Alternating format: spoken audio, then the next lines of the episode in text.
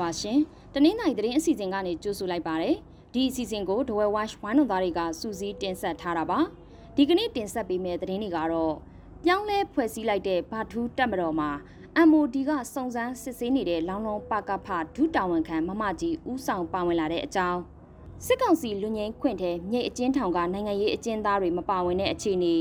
မွန်မာအကျဉ်းသား600ကျော်လွတ်လာပြီးနိုင်ငံရေးအကျဉ်းသား32ဦးသာပါဝင်တဲ့အကြောင်း တနင်္သာရီတိုင်းကောင်စီဥက္ကဋ္ဌဟောင်းကိုစစ်ကောင်စီကဝနကြော်ထင်ဘွဲ့ပေးလိုက်တဲ့အကြောင်းတဝဲမှာတံပြာသီးတစ်လုံးကြက်600အထိပေးဝယ်နေရတဲ့အခြေအနေလောက်ကင်ကိုကိုကတ်တက် MNDAA ကတင်းယူလိုက်တဲ့အကြောင်းထိုင်းမှာ MOU မြန်မာအလုပ်သမားတွေကိုလုံအခမပေးဘဲချင်းချောက်စေခိုင်းနေတဲ့အခြေအနေတွေကိုတင်ဆက်ပေးသွားမှာပါဇန်နဝါရီလ2ရက်မှာအသစ်ပြန်လည်ဖွဲ့စည်းလိုက်တဲ့ဘာထူးတက်မတော်မှာ လောင်းလုံးမြို့နယ်ပကဖဒုတာဝန်ခံမမကြီးကတရင်မှုအဖြစ်ပါဝင်လာတာကိုထုတ်ပြန်ထားတဲ့ဓာတ်ပုံမှတ်တမ်းတွေအရသိရပါတယ်။လောင်းလုံးပကဖတာဝန်ခံနဲ့ဒုတာဝန်ခံ2ဦးကို NUG ကာကွယ်ရေးဝန်ကြီးဌာနကစုံစမ်းစစ်ဆေးမှုတွေပြုလုပ်နေတယ်လို့နီးစပ်တဲ့သတင်းအရင်းမြစ်တွေရဲ့ပြောဆိုချက်တွေအရသိရပါဗျ။အသက်64နှစ်အရွယ်တီလာရှင်တပားအပါဝင်စစ်ကောင်စီသတင်းပေးဒလန်းဆိုတဲ့ဆွဆွဲချက်နဲ့လူခဏဦးကိုတပ်ဖြတ်ခဲ့တဲ့ကိစ္စအပါအဝင် အခြားကိစ္စတွေအတွက်စစ်ဆေးနေတာပါ။ ကနဦးစုံစမ်းစစ်ဆေးမှုတွေအရလောင်းလုံးပကဖတာဝန်ခံနဂါမင်းနဲ့ဒုတာဝန်ခံမမကြီးတို့ကိုတိုင်းပကဖကရာထူးကနေအကန့်အသတ်နဲ့ဖယ်ရှားထားပါတယ်။အဲ့ဒီအချိန်မှာပဲသူတို့နှစ်ဦးကပကဖလက်အောက်ကနေအပီးနှုတ်ထွက်စာတင်ပြီးနှုတ်ထွက်ခဲ့တယ်လို့သိရပါတယ်။အဲ့နောက်မှာတော့ဘာထူးတက်မတော်မှာပါဝင်လာတာဖြစ်ပါတယ်။ကာကွယ်ရေးဝန်ကြီးဦးရင်မွန်ကတော့ပကဖတာဝန်ကနေနှုတ်ထွက်ရုံနဲ့ပြစ်မှုတွေကိုရှောင်လဲသွားလို့မရသလိုစီမံခန့်ခွဲမှုနီလန်းအရရော ဥပဒေအကြောင်းအရပါအရေးယူဆောင်ရွက်သွားမယ်လို့ပြောဆိုထားပါတယ်။လွတ်လပ်ရေးနေ့ကလွန်ငင်းချမ်းသာခွင့်ပေးပြီးပြန်လွှတ်ပေးခဲ့တဲ့ညအကျဉ်းထောင်ကအကျဉ်းသားအကျဉ်းသူ84ဦးထဲမှာနိုင်ငံရေးအကျဉ်းသားတွေမပါဝင်ဘူးလို့သိရပါဗျ။ဇန်နဝါရီလ4ရက်မှာမြေအကျဉ်းထောင်ကအမျိုးသား83ဦးအမျိုးသမီး12ဦးစုစုပေါင်း84ဦးနဲ့မြိတ်မြို့နယ်ကြောက်ဖြူတောင်ရဲဘက်စခန်းကလည်းအမျိုးသား28ဦးကိုပြန်လွှတ်ပေးခဲ့ပါတယ်။ ပြန်လွှတ်ပေးခဲ့တဲ့သူတွေထဲမှာနိုင်ငံရေးအကျဉ်းသားအကျဉ်းသူတွေမပါဝင်ဘူးလို့မြို့ခံတွေကပြောပါတယ်။မူရင်မှုနဲ့ခိုးဆိုးလူနိုင်မှုတွေကိုပဲစစ်ကောင်စီကပြန်လွှတ်ပေးခဲ့တာဖြစ်ပြီးတဝဲအကျဉ်းထောင်မှာတော့ပြန်လွှတ်ပေးခဲ့သူ84ဦးထဲမှာနိုင်ငံရေးအကျဉ်းသူ3ဦးပါဝင်ပါတယ်။ကော့တောင်အကျဉ်းထောင်ကဘလောက်လွတ်မြောက်လာတယ်ဆိုတာကိုတော့မသိရသေးပါဘူး။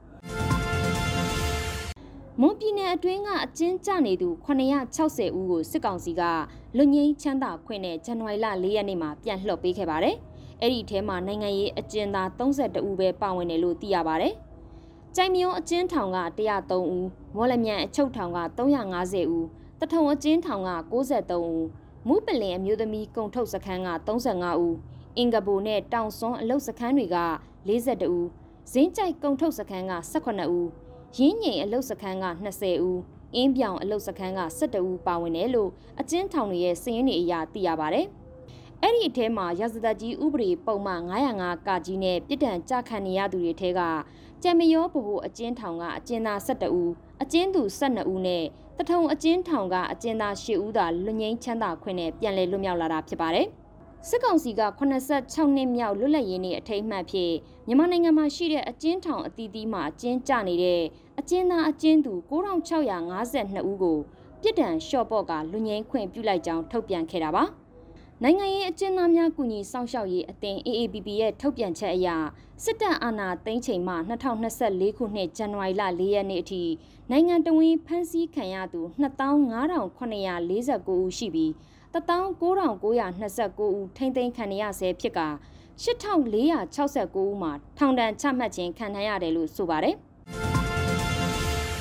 အာနာသိမ်းပြီးနောက်တနင်္လာရီတိုင်းကောင်စီဥက္ကဋ္ဌအဖြစ်ခန့်အပ်ခံရသူဦးတင်အောင်ကိုဇန်နဝါရီလ၄ရက်လွတ်လပ်ရေးနေ့မှာစစ်ကောင်စီက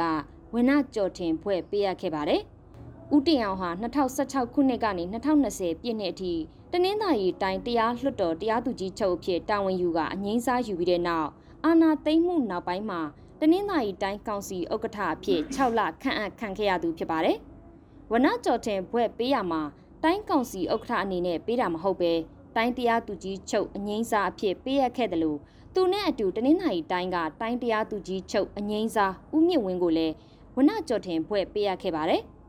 ဒါ့အပြင်2008အခြေခံဥပဒေရေးဆွဲရာမှာပါဝင်ခဲ့သူတနင်္သာရီတိုင်းကပညာရေးဝန်ထမ်း3ဦးနဲ့ထွေအုပ်ဝန်ထမ်း2ဦးအပါအဝင် အမျိုးသား19ဦးကိုလည်းစစ်ကောင်စီကလူမှုထူးချွန်ပထမဆင့်စုတစိတ်တွေပေးအပ်ခဲ့ပါတယ်။တဝဲမှာနွေရသည့်တံမြာသည့်အထွက်နဲလာပြီးတဝဲဈေးကွက်ထဲအဝင်နဲနေတာကြောင့်တံမြာသည့်တစ်လုံးကို600ကျပ်အထိပေးဝယ်နေရတယ်လို့ဒေသခံတွေကပြောပါတယ်။ပြီးခဲ့တဲ့မိုးရင်းကာလမှာ တံမြာသည့်အငယ်တစ်လုံးကို90ကျပ်ကနေ100ကျပ်တံမြာသည့်အကြီးတစ်လုံးကို200ကျပ်ကနေ250ကျပ်အထိသာရှိပါတယ်။ဒီဇင်ဘာလနောက်ဆုံးအပတ်နဲ့အခုဇန်နဝါရီလထဲမှာတော့တံမြာသည့်အငယ်တစ်လုံးကို300ကျပ်တံမြာသည့်အကြီးတစ်လုံးကို900ကျပ်ကနေ600ကျပ်အထိဖြစ်လာတယ်လို့ဆိုပါတယ်။တံမြာသည့်ဈေးတက်လာတာကြောင့်တဝဲမိုးလက်တုတ်ထဲတံမြာသီးမထက်ပေးနိုင်တော့တဲ့ဆိုင်တွေရှိလာနေပါပြီ။ မြို့ပေါ်ဈေးကွက်မှာတံမြာသီးဈေးကောင်းနေပေမဲ့တဝဲဒေသကတံမြာချန်ရှင်တွေကတော့တလုံးကိုအများဆုံး200ကျပ်သာရရှိတယ်လို့ဆိုပါတယ်။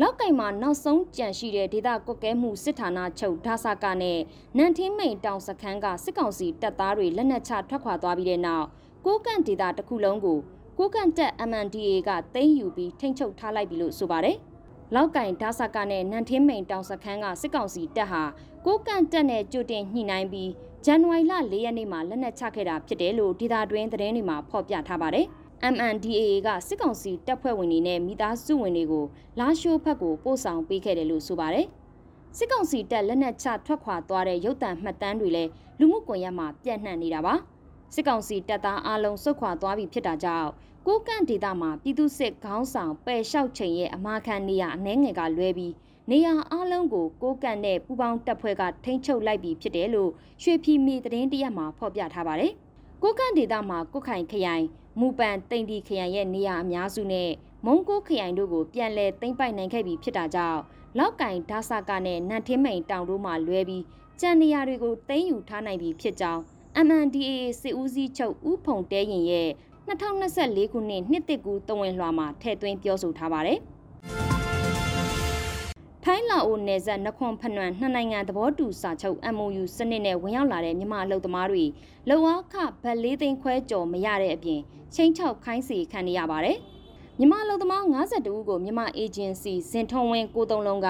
ထိုင်းနိုင်ငံကချနဘူလီမြို့မှာအလုပ်ကင်ဖို့နှစ်နှစ်စာချုပ်နဲ့နိုဝင်ဘာလ2ရက်နေ့ကစေလွတ်ထားတာဖြစ်တယ်လို့အလုပ်သမားတွေကဆိုပါတယ်။ စာချုပ်ပါလုပ်ငန်းခွင်မဟုတ်တဲ့ထိုင်းလာအိုနယ်စပ်ကဆောက်လုပ်ရေးလုပ်ငန်းခွင်ကိုပို့ဆောင်ခံရပြီးနိုဝင်ဘာလ၄ရက်နေ့မှာစပြီးအလုပ်ဆင်းခဲ့ကြတယ်လို့အလုပ်သမားတွေကပြောပါတယ်။အလုပ်လုပ်ကင်ထားတဲ့25ရက်စာလုပ်အားခစုစုပေါင်းဘတ်၄သိန်းခွဲကျော်ကိုအလုပ်ရှင်ကမရှင်းပေးသေးတဲ့အပြင်အလုပ်မစင်းရင်ထိုင်းလာဝကကိုခေါ်ပြီးတရားမဝင်အလုပ်သမားတွေလိုပြောကမြမပြည်ကိုပြန်ပို့မယ်ဆိုပြီးချိန်ချောက်ခဲ့တယ်လို့အလုပ်သမားတဦးကဆိုပါတယ်။